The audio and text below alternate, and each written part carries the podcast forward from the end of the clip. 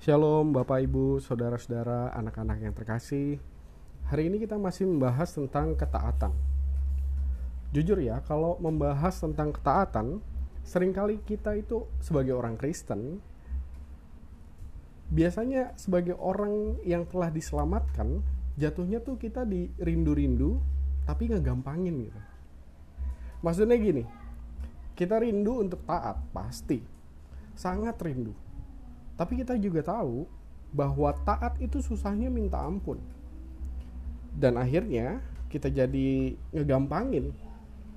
Ngegampanginnya gini, ya kalaupun saya nggak bisa taat, Tuhan kan sudah menebus saya dan menyelamatkan saya. Amanlah. Nah Bapak Ibu semuanya pembacaan Alkitab kita hari ini sebenarnya sangat menggambarkan perjuangan kita untuk melawan dosa yang di ayat 20 dikatakan dosa itu diam di dalam aku. Sekarang kita lihat Roma 7 ayat 19. Roma 7 ayat 19 dikatakan begini. Sebab bukan apa yang aku kehendaki, yaitu yang baik, yang aku perbuat, melainkan apa yang tidak aku kehendaki, yaitu yang jahat, yang aku perbuat. Kita mau kita maunya jadi orang yang baik, tapi jatuh bangun di dalam kejahatan-kejahatan kita. Dan sudah disinggung juga ya sedikit tentang dosa yang akan membawa maut di ayat 24. Jadi bagaimana perjalanan kehidupan kita selanjutnya dengan kondisi seperti yang digambarkan dalam ayat yang terakhir, Roma 7 ayat 26. Jadi dengan akal budiku aku melayani hukum Allah, tetapi dengan tubuh insaniku aku melayani hukum dosa. Nah, untuk menjawab pertanyaan itu sebetulnya sudah ada di dalam perikop yang selanjutnya. Bapak dan Ibu, kalau misalnya boleh nanti punya waktu, bacalah Roma 8 ayat 1 sampai dengan ayat 17. Itu perikop yang selanjutnya tepat setelah perikop pembacaan Alkitab kita hari ini. Tapi dari judulnya judul perikopnya itu sudah menggambarkan sekali hidup oleh roh. Hidup dipimpin oleh roh.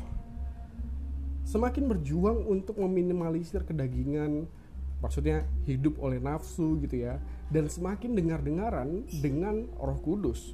Itulah perjuangan kita modal utama kita agar kita bisa menjadi orang yang taat.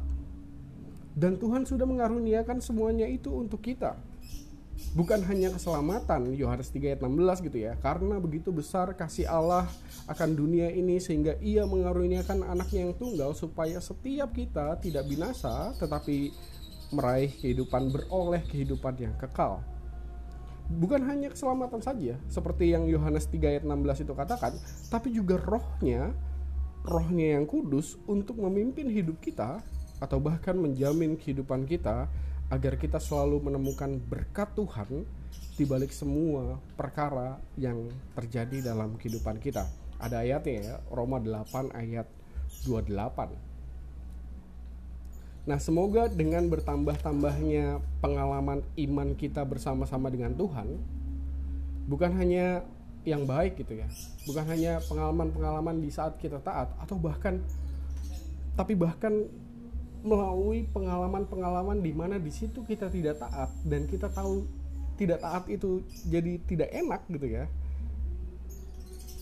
Dari sana kita semakin tersadar bahwa taat adalah jauh-jauh lebih baik daripada kita hidup dengan nafsu kedagingan yang hanya membawa pada hidup yang sengsara tiada berujung.